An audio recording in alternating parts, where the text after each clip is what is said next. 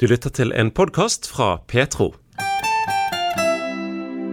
Reidun Helle Johnsen tvilte ikke på at Gud fantes, men hun så definitivt for seg at det å leve som en kristen ville bli veldig kjedelig. Likevel valgte hun å gi Gud en sjanse etter en del år på avstand fra troen som hun vokste opp med.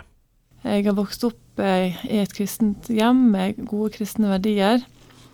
Og, um, og, det var veldig viktig for meg. Og jeg fikk gå på søndagsskolen. Og Jesus har alltid betydd mye for meg.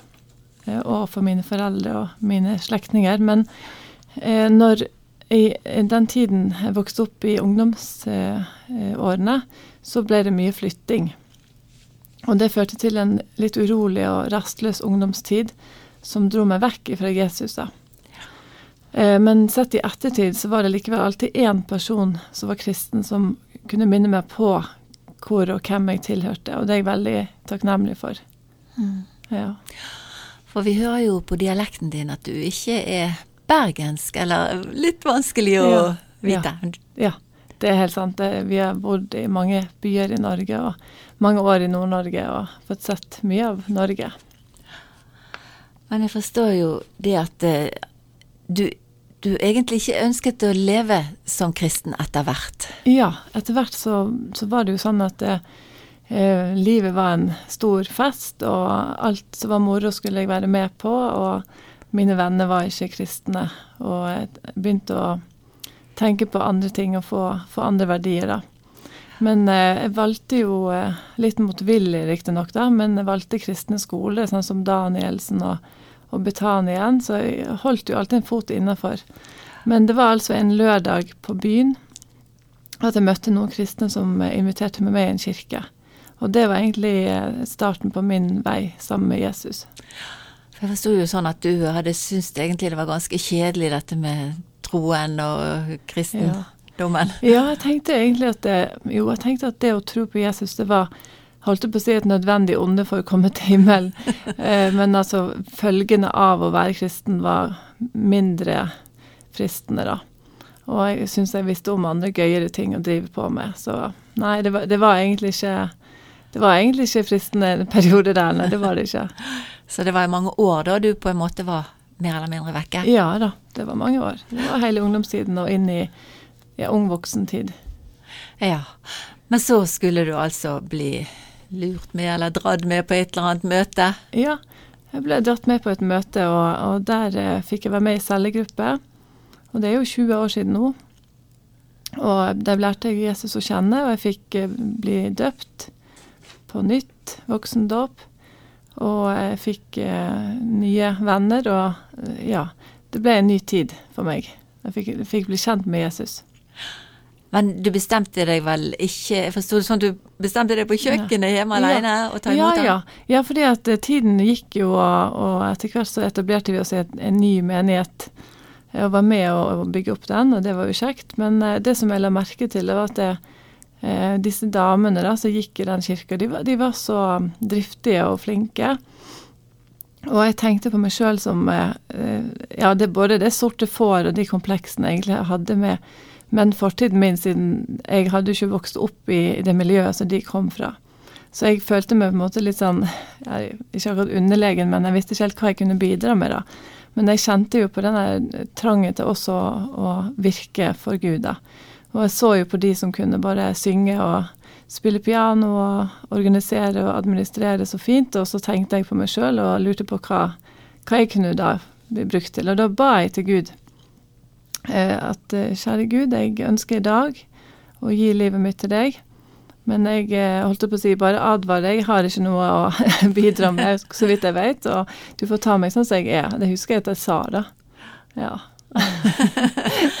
Men frelst ble du? Kristen ble du? Ja, ja, det, det ble jo helt annerledes enn jeg hadde forestilt meg. Hvorfor egentlig ville du være kristen og ble kristen? Ja, altså det mm, Jeg vet ikke. Det var vel noe som lå i meg. Jeg tenker at det som du hører forkynt når du er liten, det tror jeg aldri du glemmer. Så det er veldig viktig å nå inn til de barna. Så det er veldig viktig at de får høre om Jesus så fort som mulig. Eh, fordi at det var vel det som lå bak der. At jeg egentlig visste at Jesus eh, var det eneste rette. Så det var vel egentlig noe som lå grunnfesta i meg. Men den prosessen fram til å gi livet mitt til Jesus, den eh, Det kallet der, det, det, selv om jeg følte at jeg tok en initiativ og handling, så var det jo hele tiden Gud som styrte det, og som hadde et kall. Mm. Og da tenker jeg litt på det som står i Bibelen om Gideon, som, eh, der Gud bruker det som er svakt og skrøpelig for at han selv skal ha æren. Og Gud gjør jo det som er umulig, mulig i vårt liv, så lenge vi er villige til å tro på Han. sant? Mm. Så det var vel kanskje det som skjedde da på kjøkkenet, at jeg eh, viste Gud at jeg gir meg over i din uh, makt, holdt jeg på å si, og at du får styre, du får styre showet fra nå av. At jeg på en måte viste jo han at jeg stolte på han selv om jeg ikke visste hva jeg gikk inn i. Mm. Og det har ikke du angret på, Reidun? Nei, det har jeg ikke angret på. Nei, det er spennende. Det er veldig spennende. Eh, og jeg, eh, den natten jeg la meg etter at jeg hadde gjort dette på kjøkkenet, så kom jo Jesus til meg. Eh, og det fortsatte med veldig mye både på natt og dag, men han viste meg i drømmen at han hadde en si, misjonærrolle til meg. Han leste opp misjonsbefalingen, så jeg våkna av det. Og han sa at jeg har fått en gave i det å høre fra han og fortelle om han. Eh, og han la i meg en veldig enorm nød for ufrelste. Hmm. Så det var jo sånn det begynte. Jeg forsto jo sånn at den nøden ble så sterk at du måtte be Gud ta det litt fra deg. Ja, ja jo, det er sant. Det er fordi at jeg er veldig sånn eh, Jeg har veldig stor arbeidskapasitet og er veldig sånn eh, Ja, jeg, eh, jeg står på, jeg har veldig utholdenhet. Sånn at jeg begynte jo å skulle frelse alle. og det fortsatte med en stund, og det ble jo veldig slitsomt. Og jeg kunne ikke skjønne at noen ikke ville ta imot dette fantastiske som jeg eh, kunne vitne om. Og, og da, og da eh, Det som skjedde da, det var at, det, at man, Jesus sier at man skal ikke gå i egen kraft. sant? Man skal gå i ferdiglagte gjerninger. Eh, og jeg opplevde jo hele tiden at jeg kasta perler for svin, for jeg, jobba i motbakke hele tiden i egen kraft. Så da jeg husker jeg ropte ut Jeg hadde en sånn stol hjemme som jeg kalte Jesusstolen, så der jeg satt liksom og leste og var sammen med Jesus. da. Eh, og da sa jeg til Jesus at nå må du bare ta fra meg den nøden, for at jeg kan ikke bære det. Jeg, jeg klarer ikke å leve sånn mer. Jeg, jeg var helt utmatta. Og da svarte han med en gang, og da sa han at eh, du vet at du har gjørmen gjenstridig ett, eh, men at den som har ører, han skal høre, og den som ikke vil, skal du gå forbi. Og så sa han òg at eh, er du villig til å vasse eller vade eller legge på svøm for meg? For hvis du legger på svøm, så skal det flyte strømmer av levende vann ut av hver krok av ditt hus, og langs bekkene skal det vokse opp friske vekster, og vannet skal være, bære med seg sunnhet og liv overalt. Så det, det var jo fantastisk løfte, og han avslutta også med å snakke om misjonsbefalingen og si at jeg er, er med deg hver dag inntil verdens ende, som er det vakreste han har sagt, syns jeg. Så det var jo lett å gå videre på den måten da. Du Reidun, livet har jo ikke bare vært helt enkelt. Du har vært syk òg i Ja. tolv år, forstår jeg. Ja, ja da. Det, man er ikke forskånet for vonde ting som kristen. Jeg eh, fikk en plage, og jeg trenger ikke nevne det, for det kunne vært hva som helst, men det var en lammende kronisk lidelse som bare ble verre og verre og verre og verre. Og eh, selv som kristen så kan jeg innrømme at jeg mista motet på det å, be og Ja, jeg eh, tenkte at nå Nå vet jeg ikke om dette går lenger. Så jeg, jeg var nesten i ferd med å gi opp, da, for det, det tok så mye av livskvaliteten min. Og eh, jeg syns jeg hadde bedt i mange år. Eh, Det var vanskelig. Og det var vanskelig å fungere både på jobb og hjemme. Så det ble et sånn litt tungt liv, og det ble så tungt å tenke på at det skulle være sånn framover. Jeg klarte ikke helt å se eh, lyset lenger. Eh, men i hvert fall så skjedde det det at eh, jeg eh, en morgen Det var Kristi himmelfartsdag, vi skulle på noe sånn familiebesøk. Og da sa jeg til Gud om morgenen da at er det virkelig sant at ditt ord også gjelder for dette her problemet? Kan jeg stole på at ditt ord også er sant i denne saken her? Eh, og så gikk vi da på disse selskapet. Og så måtte jeg gå opp trappa på loftet, for hun toåringen min forsvant jo opp der. Så måtte jeg løpe etter. Men når vi kom opp trappa, så hørte jeg at det smalt noe i gulvet inn på et rom. Så jeg gikk inn der, og da var det en sånn krukke med bibelvers som bare hadde tippa over nattbordet og datt ned. Så det var liksom hundrevis av bibelvers på gulvet. Men jeg tenkte egentlig bare at jeg må bare samle de opp, og så ble jeg litt sånn åh, det var mye rot her. Så jeg samla, samla, samla alle versene, og så ser jeg på det ene, så står det 'Det skal bli helsebot for din kropp'. Og så begynte jeg bare å le. Nei, det kan, det kan jo ikke være så tilfeldig. Det er bare tilfeldig. Jeg vet ikke, jeg tenkte kanskje det. Og så det siste kortet som lå igjen, da når Alva var oppi boksen, så sto det 'Hørte du hva jeg sa? Du kan stole på mitt ord'. Og da skjønte jeg at jeg skulle bli frisk. Og enda hvor syk jeg var, så bare gikk jeg ned til mannen min så sa jeg, du, jeg skal bli frisk. er det sant? Ja, det er helt sant. Jeg skal bli frisk. Jeg, jeg vet ikke tid, men jeg skal. og da ble jeg jo bedt for av gruppa mi. og og da Ja, det var ikke akkurat der og da, men etter, en uke etter jeg ble, bedt for, så, så, gikk jeg hjem, og så uh, la meg ned på sofaen og ble litt dårlig.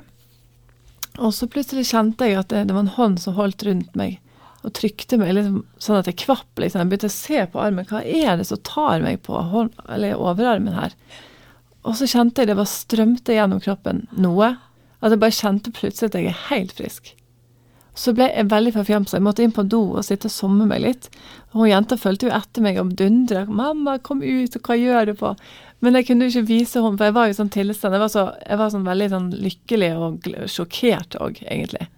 Så det var så stort. Og han sa jo òg, Jesus sa at det her skal du dele en gang. Og det gjorde jeg da to år seinere på Facebook. Oi. Og det òg var litt vanskelig, for det er litt skummelt å dele sånn på Facebook. Men det var han ikke noe utydelig på. Når det, når jeg kom til det punktet, så måtte jeg det. Og da skulle jeg det, og det gjorde jeg òg. Og da viste det seg at folk i nabolaget hadde vært på ferie og lest det høyt ved andre venner, sant. Og begynte å diskutere litt om det, hva det betyr, dette her. Så det hadde jo mye å si. sant? Veldig mange kom jo til meg og eh, Ja, men du, jeg har noen problemer, kan du be for det òg? Og så gjorde jeg jo det. Jeg ber jo for alle som spør om det. Og jeg kan jo ikke huske alle jeg har bedt for, men så kommer de jo igjen og sier du, din Jesus har, eller har helbreda meg. Så det, jo, det, det, gir sånne ringvirkninger, vet du. Så det er veldig sterkt å leve i det. Veldig kjekt.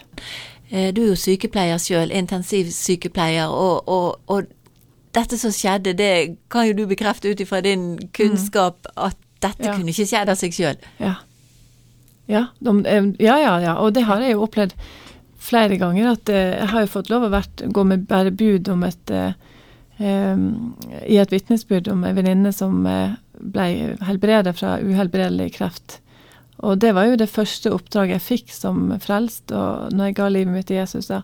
Eh, og den, den, var tøff å gå inn i den oppgaven der. For det var jo som intensivsykepleier å, å høre om en person så ung som lider av en så uhelbredelig farlig sykdom, som var kommet så langt som det var, så, så kunne jeg ikke helt se hva min rolle skulle være oppi det. Oppi det.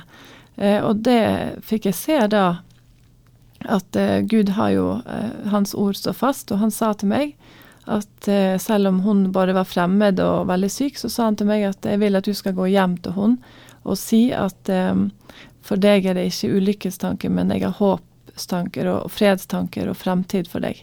Og det gjorde jeg. Og det er jo da kanskje åtte-ti år siden nå. Og hun er frisk og helbreda i dag. Og det ville jo ingen som kan litt om helse, ville jo ikke ha tenkt at det var i hele tatt mulig. Sant? Og det, jeg har opplevd at Gud gjør umulige ting mange ganger. Også det at folk er infertile og ikke klarer å få barn, og så forteller Jesus meg om de og sier de klarer ikke å få barn, de er veldig lei seg, kan du be for de? Og det har skjedd i hvert fall tre ganger som jeg kommer på at folk da har blitt gravide etterpå. Mm. Og da vet jo de at det er Gud, for det har jo jeg sagt til dem. Da sier jeg at det, Gud har fortalt til meg din situasjon, og Eh, han vil hjelpe deg, og han har sagt at, vi, at, jeg skal be om den saken. Og så skjer det. Og da blir det jo en dobbel lykke. Mm. Det er en stor nådegave å våge og, i det hele tatt å tørre å gå når, når Gud. Ja, det er, veldig, det er, veldig, vanskelig i begynnelsen, men etter hvert så stoler man jo på, på, at det er sant, og man kjenner Jesus så godt at det Ja, nå, nå er det ikke så vanskelig, syns jeg, lenger, da. Nå har jeg fått veldig stor tillit til eh, at jeg tør å gå i det han sender meg i. Ja. En ting jeg virkelig har opplevd som jeg, som jeg har lyst til å si, og det syns jeg er vanskelig nå i dag, det er det at, at Guds ord er sant. Og det er veldig mange som syns at Bibelen har et dårlig rykte. Og det er også veldig mange kristne som eh, vingler, litt, vingler litt på ordet. Men det er utrolig viktig å ha respekt for Guds ord, og sette det aller, aller først. Det er viktig å gå der når du lurer på noe. Det er der du får svaret, det er der du får sannheten og livet. Uh, uansett om du liker det eller ikke, det har ingenting å si. Vi er bare et menneske. Hva vet vi? Vet ingenting. Vi kan bare forholde oss til det som står der. Der er nyhetsboken. Der er sannheten. Der er alt. Og det kan man ikke begynne å kompromissere på.